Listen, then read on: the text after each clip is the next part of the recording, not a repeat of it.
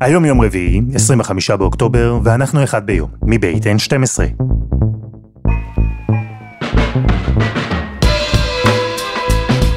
אני אלעד שמחיוף, ואנחנו כאן כדי להבין טוב יותר מה קורה סביבנו, סיפור אחד ביום, בכל יום.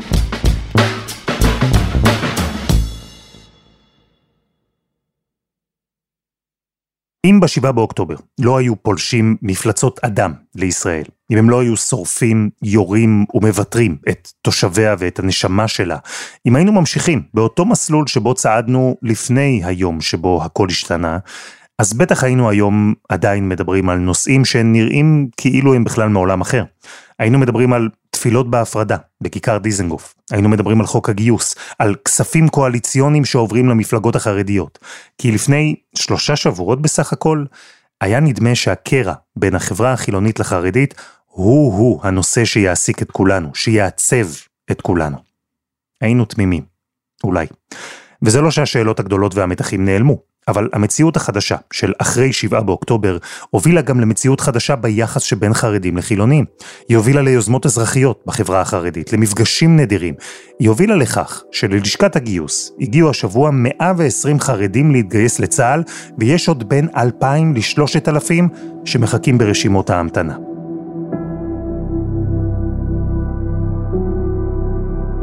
אז ביום התשע עשר של מלחמת אוקטובר 23, אנחנו עם יאיר שרקי כתבנו, ועם ההתגייסות החרדית.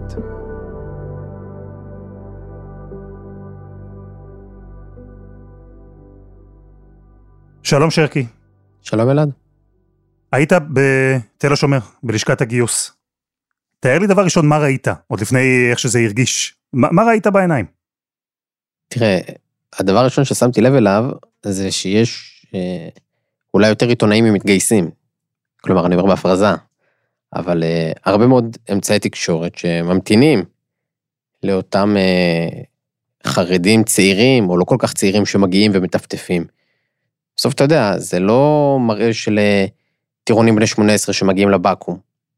מגיעים אנשים בני 35, בני 40, חרדים בגוונים שונים. כלומר, זה לא...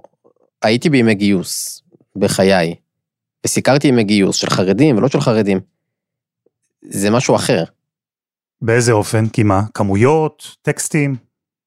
זה באנו למילואים. זה לא נראה כמו סדיר, זה לא אנשים שעכשיו באים עם תיקים ענקיים ואבא ואמא מלווים אותם. לפעמים, מה זה לפעמים? רובם אבות לילדים בעצמם. אתה יודע, כשהילד בן 30 או 40, לכל היותר מלווה אותו אשתו, או היה אחד עם שני ילדים קטנים שמגיע. אבל זה לא המראה הקלאסי של אמהות שמביאות את הילד נער הזה בן ה-18 ונפרדות בבכי בשערי הבקו"ם. 40. 40. בן 40. כשהיית בן 18 לצערי לא הייתה אופציה. כשאני הייתי בן 18 זו באמת לא הייתה אופציה. כל המסלולים אה, למיניהם נפתחו קצת אחרי אה, הגיל הנכון. וזה חלום שרציתי תמיד לעשות, שמח על ההזדמנות הזאת, ברוך השם, סוף... בגיל 40? ובגיל 40 עם חמישה ילדים, אם אפשר לתת מעצמנו, אה, אז למה לא? ואם רבי עקיבא בגיל 40 התחיל ללמוד אה, תורה, התחיל ללמוד א' ב', אז אני בגיל 40 זוכה ברוך השם להתגייס. יש איזה משהו שהמלחמה, מה זה? אבל, אבל זה אנשים שמה? שהתחילה מלחמה ואמרו, אוקיי, אני מחפש מה לעשות, והדבר הראשון שעלה להם בראש זה לנסוע לבקו"ם? אה, איך זה עבד? זה היה משהו מאורגן? תראה, איך שמתחילה המלחמה, ממש, בימים הראשונים אתה כבר שומע את הרחש בחש בתוך העולם החרדי. כלומר, חבר'ה חרדים שאומרים, מה שהיה לא יכול להיות. אנחנו גם רוצים לתרום, גם רוצים להיות חלק.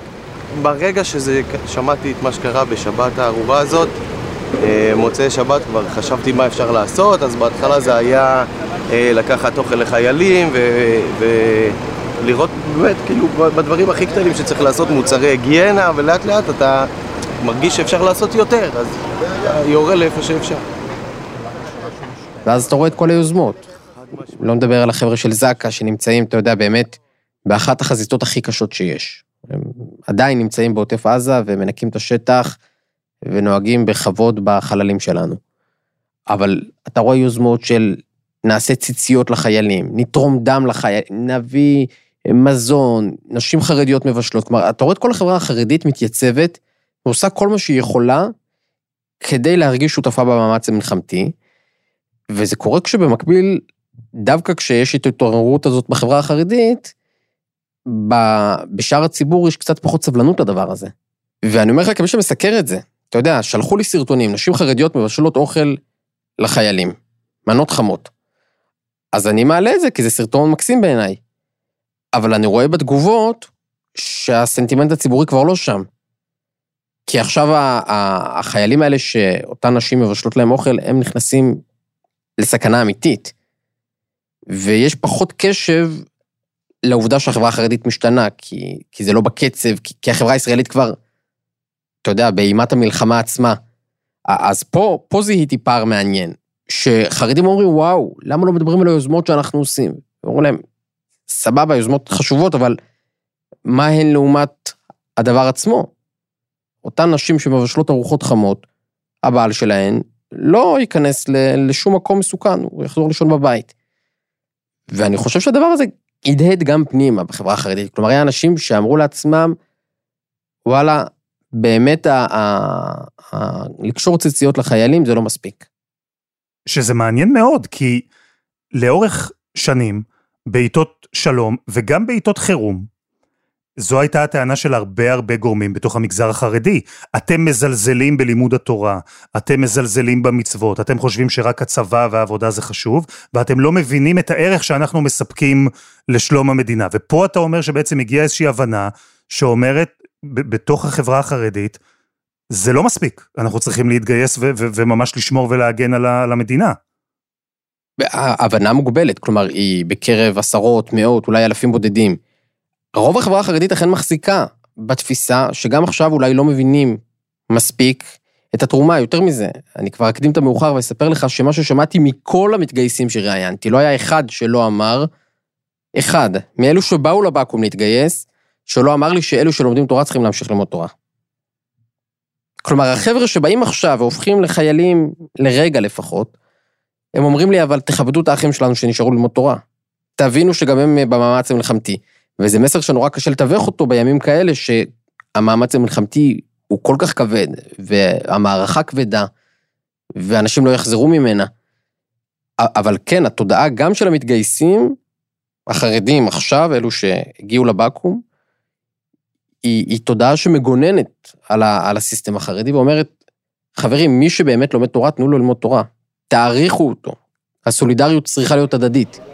תראה, אני חושב שלפני שנגיע לגיוס של בחורים בגיל 18, יותר חשוב זה הסולידריות. וככל שיותר סולידריות חברתית, גם ביחס לחרדים, לא להתייחס אליהם כטפילים או ככינויי גנאי כאלה אחרים, אלא גם להעריך את המקום שלהם. צריך להכיר את ה... נקרא לזה השירות התורני שהם נותנים, בהנחה והם לומדים יום שלם, אה, ורובם לומדים יום שלם כמו שצריך. וככל שיכירו את התרומה שלהם, יהיה יותר קל למי שכן רוצה להשתלב, גם אם זה לא יהיה בגיל 18, לגיל יותר מאוחר, להשתלב. וזה דבר שאני בטוח שלחלק מהאנשים שמקשיבים לנו עכשיו, הוא לא קל לשמוע אותו. אבל זה בדיוק פערי התפיסה. הם אומרים, היחידות בחזית צריכות את לומדי התורה בעורף. האדם הדתי יודע, אדם ששומר תורה ומצוות יודע שבתורה מסופר על, על צבא. היה צבא בתורה, היה צבא בנביאים, היה צבא בכל מקום. אלא מה? הצבא, איך היה בנוי הצבא? אלף למטה, אלף למטה. על כל אחד ש, שהיה בקרב, היה אחד שלמד. זאת אומרת, אנחנו רואים בזה אה, לא דבר סמנטי, זה, זה, זה, זה, כדי להצליח. במלחמה. עם ישראל, ככה עם ישראל אה, כל השנים. זה מופיע לנו בתורה, אלף למטה, אלף למטה. חלק... מגזר אחד שהדברים שלו הולכים לצבא, ומגזר אחר שהדברים שלו. זה המציאות, למה המגזר ההוא שהולכים לצבא רוצה ללכת לישיבות עכשיו, זה, המציאות. המגזר ההוא מסכן את חייו, כן, והילדים אבל- שלו תכף ייכנסו לעזה, והמגזר ההוא... המג, המגזר ההוא אומר לעצמו, למה לקחתי על עצמי את כל העניין הזה של התורה? הוא גם אומר, אני לקחתי על עצמי כל העניין של התורה, העניין של... שנינו יודעים ההתפכחות היא לא נוגעת ללומדי התורה. אני חושב שזה לב העניין. ההתפכחות נוגעת לחרדים שאינם לומדים. ולכן מי מגיע לבקו"ם? חרדים עובדים. אנשים מבוגרים שמזמן עזבו את הכולל. אין בן אדם אחד בגיוס הזה שהגיע השבוע לתל השומר, שעזב את ספסלי בית המדרש. אחד. זה אנשים שממילא עורכי דין, אחד פקיד במשרד האוצר, אחד עובד בנדל"ן, אחד בתכשיטים. את הדברים הללו הם חודלים לטובת אה, אה, שירות אה, צבאי מסוים. אבל אין ציפייה חרדית גם כרגע לפתוח את, ה, את ההנחות היסוד הבסיסיות של החברה הזאת. מעניין אותי איך עובד המנגנון, כלומר, רואה אדם חרדי את כל מה שקורה, הוא מחליט להתגייס. אז מה, אדם בן 40 פשוט יכול להגיע לבקו"ם ולעבור שרשרת חיול? זה לא שמישהו בא ודופק בבקו"ם ושלום, אתה, אתה חייל. יש מסלול שכבר פעל בצה"ל לפני המלחמה הזאת, קוראים לו שלב ב'. מה זה שלב ב'? זה אומר שחבר'ה חרדים שלא עשו שירות בגיל שירות, קיבלו כבר פטור, אבל נושאים על גבם את, את, את הגיבנת הזאת שהם לא עשו צבא, והם מגויסים למילואים בלי סדיר.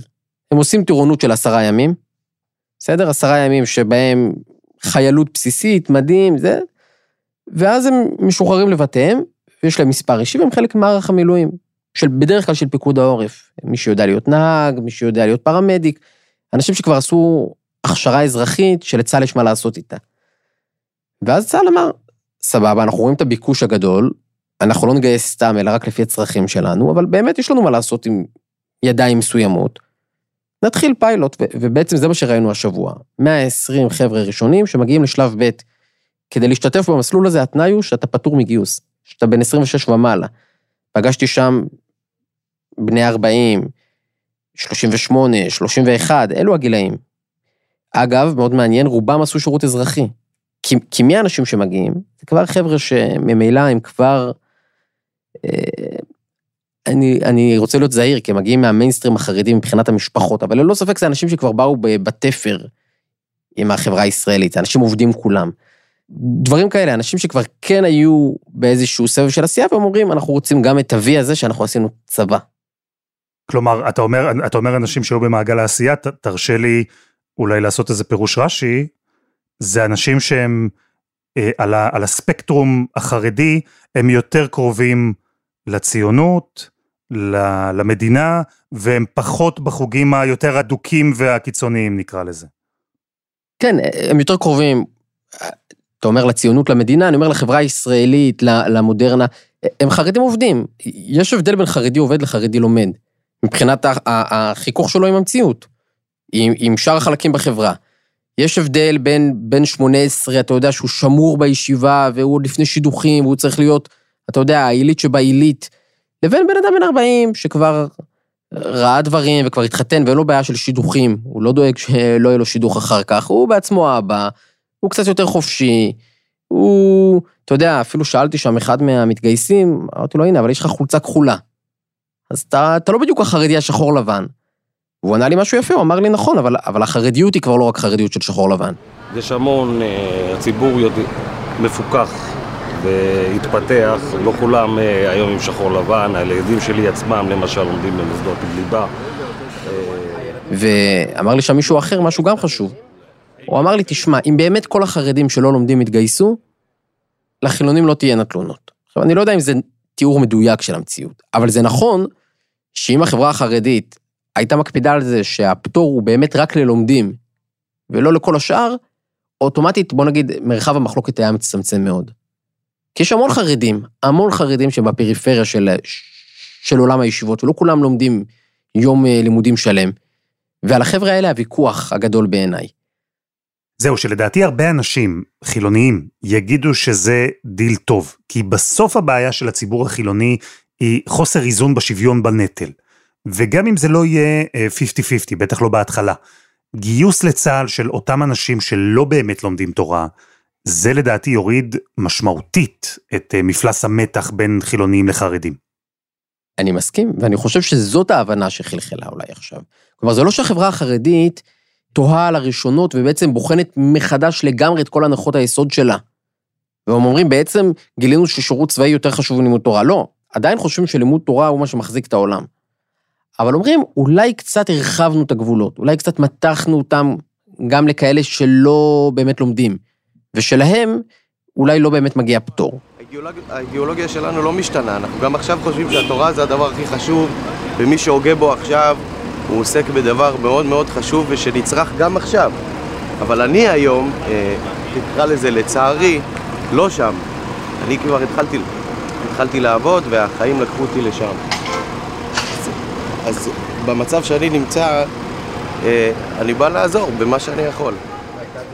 ושם אני חושב שיש את הבחינה מחדש, ועדיין אני מתעקש להגיד לך, שמה שאמרתי לך בתחילת השיחה שלנו, שהיו יותר עיתונאים ממתגייסים, אז כמובן זה בצחוק, אבל, אבל כן, אני תהיתי ביני לביני מה יותר חזק, השינוי שמתחולל עכשיו בחברה החרדית, או התקווה לשינוי הזה בחלקים אחרים של החברה הישראלית. כלומר, יכול להיות שאנחנו מרוב, אתה יודע, הרבה אנשים מקווים לשינוי הזה ורוצים לראות איזשהו closure אחר לסיפור, ואז אומרים, אתה יודע, האוזניים רגישות מדי. יש תנודה קלה, יש אלפיים פניות, 120 מגויסים בפועל, אבל כבר תחושה כאילו כל הספינה הסתובבה. ואני אומר, התהליכים האלה הם תהליכים כבדים. יש פה נקודת ציון ששווה לדבר עליה, יש נקודת ציון ששווה להס- להסתכל עליה. אבל זה לא ש... שהוויכוח אה, אה, התאדה. בימים האלה, בימים שאנחנו מדברים עכשיו, הנושא הפוליטי המרכזי שהיה אמור להיות במדינת ישראל, ממש בתאריכים האלה, חוץ מהבחירות המקומיות, זה חוק הגיוס. זה, זה הלו"ז הפוליטי. זה היה אמור לפתוח את מושב החורף של הכנסת. וטוב, אתה יודע, אף אחד לא יוציא הגה בשנה הקרובה בנושא הזה. אבל באמת האירוע לא פתור. האירוע האמיתי לא פתור. אולי מצמצמים את גבולות המחלוקת, אבל עדיין הנחת היסוד החרדית היא שמי שלומד צריך לקבל פטור מלא כדי לשבת וללמוד, שבלי הלימוד גם חיילינו בחזית לא יחזיקו. ו- ועל הדבר הזה, אני לא רוצה להגיד לא התפשרו, אבל, אבל הדבר הזה לא השתנה במלחמה. אז, אז תשים לי קונטקסט, כי אני שומע ממך קצת דבר והיפוכו, טיפה. שמצד אחד, יש איזו הבנה שחלחלה, שהיא לא מובנת מאליה, שהיא אולי אפילו חסרת תקדים. ואנחנו רואים מספרים שלא ראינו, ואנשים שלא ראינו, שמגיעים לבקו"ם. מצד שני, אתה אומר, זה עדיין תחום, באזורים מאוד מאוד מסוימים של החברה החרדית, וזה בטח לא פותר את הבעיה הגדולה כולה, כי עדיין סדרי העדיפויות לא השתנו. נכון. תשים לי קונטקסט, אז מה אנחנו רואים פה? אנחנו רואים שינוי טקטוני, אנחנו רואים פוטנציאל, אנחנו רואים אנקדוטה. לא, זה יותר מאנקדוטה בעיניי, זה פוטנציאל לפחות.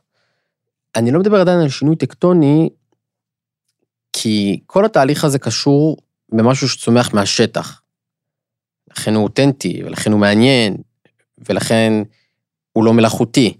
אבל זה כן מעניין לשים לב שאתה לא רואה אף אה, גורם פוליטי בכיר, או הנהגה רבנית שמתייצבת ואומרת את הדברים ככה. כלומר, בטוח יש שינוי דרמטי בסנטימנט כלפי הצבא, וכלפי אלו שמשרתים בו, אבל עדיין את, ה, את, ה, את מעשה הגיוס בפועל אתה שומע מהאנשים ולא לא בהוראה מלמעלה. מה כן? הגיוס הזה הוא חשוב בעיניי, לא בגלל שעכשיו לצה"ל יהיו עוד 120 נהגים, או חותכי סלט, כמו שאחד אמר לי שם, אלא במובן שיהיו 120 אנשים שיחזרו לבתים שלהם, בבני ברק, בביתר עילית, במודיעין עילית, ויגידו, היינו, כן, אנחנו, דווקא יש לנו מספר אישי, עשינו מילואים, יחזרו אולי אפילו במדים, כבר לא בושה. והאח שלהם ישמע, וואלה, אחי עשה את זה וחזר בשלום, ואולי אפילו מרגיש מסופק, ומרגיש שהוא עשה משהו טוב. ואולי גם אני אעשה את זה, או הבן דוד שלי עשה את זה, או החבר שלמד שנתיים מעליי בישיבה, או השכן. במובן הזה הם שגרירים. אבל יש באיזושהי חוויה שאתה רוצה להכיר בחברה הישראלית. ונראה לי זה גם איזשהו שינוי, אה, אולי שבירת מחיצות אולי נצליח. ואני חושב שגם בצה"ל לא מיהרו למהלך הזה, כי אמרו, וואו, נורא דחוף לנו עכשיו ידיים עובדות. בסדר, אני לא מקל ראש, המאמץ המלחמתי כבד, יש יותר מ-300 אלף חיילי מילואים שמגויסים עכשיו. אבל המאה הנוספים הללו, המאה ה-20 הנוספים, החשיבות שלהם היא בעצם היותם. בעצם היותם סימן אולי למשהו שיכול להיות נקודת מפנה. אם יתנהגו עם זה נכון, אם יכו על הברזל בעודו חם, אם ידעו לנצל שעת, אני לא רוצה להגיד שעת כושר, אבל שעת רצון, אז כן אפשר לחולל פה איזשהו שינוי רחב יותר. לא רוצה להשלות אותך שזה, שזה מקצה לקצה, אבל כן, תזוזה משמעותית. תן לי בימים האלה קצת אופטימיות, אל תיקח לי אותה. בדיוק, אני, משתד, אני משתדל, אבל משתדל, אתה יודע, לא לתת לך אמת ב, בימים האלה. קיבלתי, קונה את האמת. תגיד, בוא נדבר על ההנהגה. אתה אומר זה לא מגיע משם. זה לא מגיע משם, זה ברור. הם נגד, הם אקטיבית אומרים משהו, עושים משהו, או שהם פשוט מסתכלים מהצד? כרגע שתיקה. שים לב, בהסכמים הקואליציוניים כמעט והיה לאגודת ישראל חבר קבינט. ודגל התורה עשתה איתם חסד גדול והתקוממה נמרצות ונחרצות באופן כזה שהם לא איישו את הכיסא שהוצע להם בקבינט. רק לדמיין מה היה קורה אם הרב גולדקנופ היה עכשיו חבר קבינט. מבחינה חברתית בישראל, לא כי אני מזלזל בעצות הצבאיות שלו על פני שאר החברים שם, אלא כי באמת, בסוף, כשאתה עכשיו שולח הרבה מאוד חיילים לחזית, למערכה כבדה, שחלקם לא יחזרו ממנה, נשאלת השאלה, איפה הילדים שלך? איפה הציבור שאתה מייצג? איפה האינטרס הפוליטי שלך עובד? ובמובן הזה, אריה דרעי הוא לא חבר קבינט בגלל שהוא אה, אולץ להתפטר, או הוא פוטר מתפקידו כשר בהוראת בג"ץ, אבל זו סיטואציה מעניינת. כלומר, אריה דרעי היום הוא רשמית לא חבר קבינט, אבל בפועל הוא יושב כמעט בכל הישיבות של הקבינט המצומצם, קבינט המלחמה. כמשקיף. זו בעצם חמישייה, והוא השותף השישי. דרעי נמצא שם בחדר, כי גם אנשי ביטחון מאוד מעריכים את דעתו, ואני חושב ששני הצדדים, גם מחנה נתניהו וגם מחנה גנץ, וגם מחנה גלנט, זה שלושה צדדים לפחות שם, כולם רואים בו גורם עם שיקול דעת. אבל זו, אבל זו שאלה אמיתית, כי גם אריה דרעי, עוד פעם, הציבור של ש"ס הוא ציבור יותר מורכב מזה של יהדות התורה, אבל אה, הוא בסוף, הכוח הפוליטי של ש"ס מתורגם להמשך הפטור מגיוס, וילדיו של דרעי, בניו לא שירתו בצבא. כלומר, זו, זו מציאות מורכבת שבה מצד אחד, אתה שומע מגנרלים בכירים שאומרים לך, אנחנו רוצים את דרעי, את קולו של דרעי בקבינט. מצד שני, אתה מבין גם את המורכבות ש, שתמיד החרדים נמנעו מלהתבטא בנושא ביטחון, בגלל הידיעה שמי שלא שולח את ילדיו שלא ידבר. דרעי כן מדבר עכשיו. אז, אז קודם כל, זה צד אחד של מה שקורה להנהגה החרדית. צד אחר, ואולי אליו אתה יותר כיוונת, זה שההנהגה החרדית כרגע, אני חושב, היא, היא בעיקר שותקת, היא מבינה שזה לא הזמן לדבר, בסדר? עוד יבוא הזמן, לא יודע אם לחשבון נפש, להתבטאות, כרגע מאוד מורידים את הראש, בסדר? ומתפללים עם הציבור. אה, שהמערכה תצליח, אתה יודע, יש דיבורים על כספים קואליציוניים וכאלה, אני שומע הפוך מהפוליטיקאים החרדים. יש איזה, דווקא איזה ניסיון להדמים, לא לבקש, לא לקחת, לא... נעבור את זה ואחר כך נדבר על הכל. רגע, שנייה, יש הבדל. יש הבדל בין ניסיון להדמים לא לבקש לא לקחת, לבין אקטיבית לבוא ולומר הנה אנחנו מוותרים או נותנים או יוזמים. ההתגייסות שאתה רואה בחלקים של החברה החרדית, וההבנה שצריך לעשות משהו אפילו דברים שהם חסרי תקדים. אתה מזהה אותה בהנהגה? אני מזהה בהנהגה הבנה שדברים צריכים להשתנות. אבל אני חושב שהיא חושבת הרבה יותר לאט, ומגיבה הרבה יותר לאט, ואנחנו סך הכל מדברים אה, בשבוע השלישי של הלחימה, כן? יש עוד, יש עוד זמן שהאסימונים ייפלו ושהדברים ייאמרו. אתה יודע, בניגוד ל... לחרדי בקצה שיכול להגיד, וואלה, אם אני עורך דין, למה שאני לא אעשה מילואים? הספינה של ההנהגה היא לא מסתובבת בכזאת קלות. אתה כן רואה שינוי בסנטימנט, אתה רואה את מאיר פרוש, שבדרך כלל מייצג את, את האגפים היותר קיצוניים ביהדות התורה, מתייפח, מתייפח, לא מצליח לדבר בלוויה של שכן שלו, שהיה לוחם ימ"מ. ואתה רואה את, ה, את הח"כים החרדים, אתה יודע, איש איש בחזית הקטנה שבה הוא יכול להיות, מנסה, כמו, כמו כל המדינה, במובן הזה אני לא חושב שהחברה החרדית שונה מהמדינה. כולם מגויסים, ואני חושב שהשאלות הגדולות כן ימתינו, אני לא יודע אם לאחרי המלחמה, כי אנחנו לא יודעים כמה זמן היא תהיה, אבל זה לא שבשלושת השבועות האלה, אז uh, הכל כבר, הכל כבר נאמר והמסקנות הוסקו. אז אם אני אשאל אותך, לסיום, מה לפי דעתך אנחנו נראה ביום שאחרי המלחמה, אם אני מבין ממך מה שאתה אומר, אנחנו נראה הרבה שאלות, או אנחנו כבר רואים הרבה שאלות, אבל עדיין אנחנו לא רואים תשובות למרות כל השינויים הגדולים. אני אשלח אותך למקום אחד שבו אולי אתה כן תראה תשובה, וזה לא אחרי המלחמה. אנחנו ראינו השבוע גיוס אה, מהיר כזה, של השלב ב', של אלה שלא עשו סדיר, אבל יעשו מילואים. אבל נורא מעניין מה יקרה בנובמבר-דצמבר. אז יש שני גיוסי סדיר, של נצח יהודה, של חץ, החרדים הצנחנים, ושם נורא מעניין לראות כמה בני 18 עד 24 התייצבו. כי צה"ל מתכוון להכפיל סד"כ, וזה צבא אמיתי, זה אנשים שהולכים לעשות שירות צבאי מלא. ואם שם אתה תראה התייצבות הרבה יותר גדולה של צעירים חרדים, אז אתה תבין ש- שזז משהו יותר מהותי. ולדעתי אנחנו נראה שם תזוזה. אני לא יודע באיזה מספרים, אתה יודע, אומרים 2,000 חרדים, אז זה בקבוצת ה-26 פלוס. אבל הקבוצה המעניינת בעיניי, הקבוצה ש- שעושה שינוי, זה הקבוצה של ה-18 עד 24. האלה שהם בגיל גיוס חובה למסלול של שירות צבאי מלא.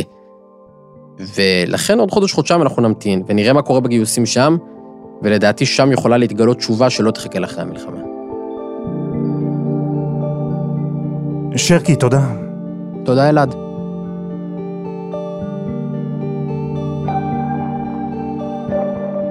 וזה היה אחד ביום של N12. אנחנו מחכים לכם בקבוצה שלנו בפייסבוק, חפשו אחד ביום, הפודקאסט היומי. העורך שלנו הוא רום אטיק, תחקיר והפקה, רוני ארניב, שירה הראל, דני נודלמן ועדי חצרוני, על הסאונד יאיר בשן שגם יצר את מוזיקת הפתיחה שלנו, ואני אלעד שמחיוף. אנחנו נהיה כאן גם מחר.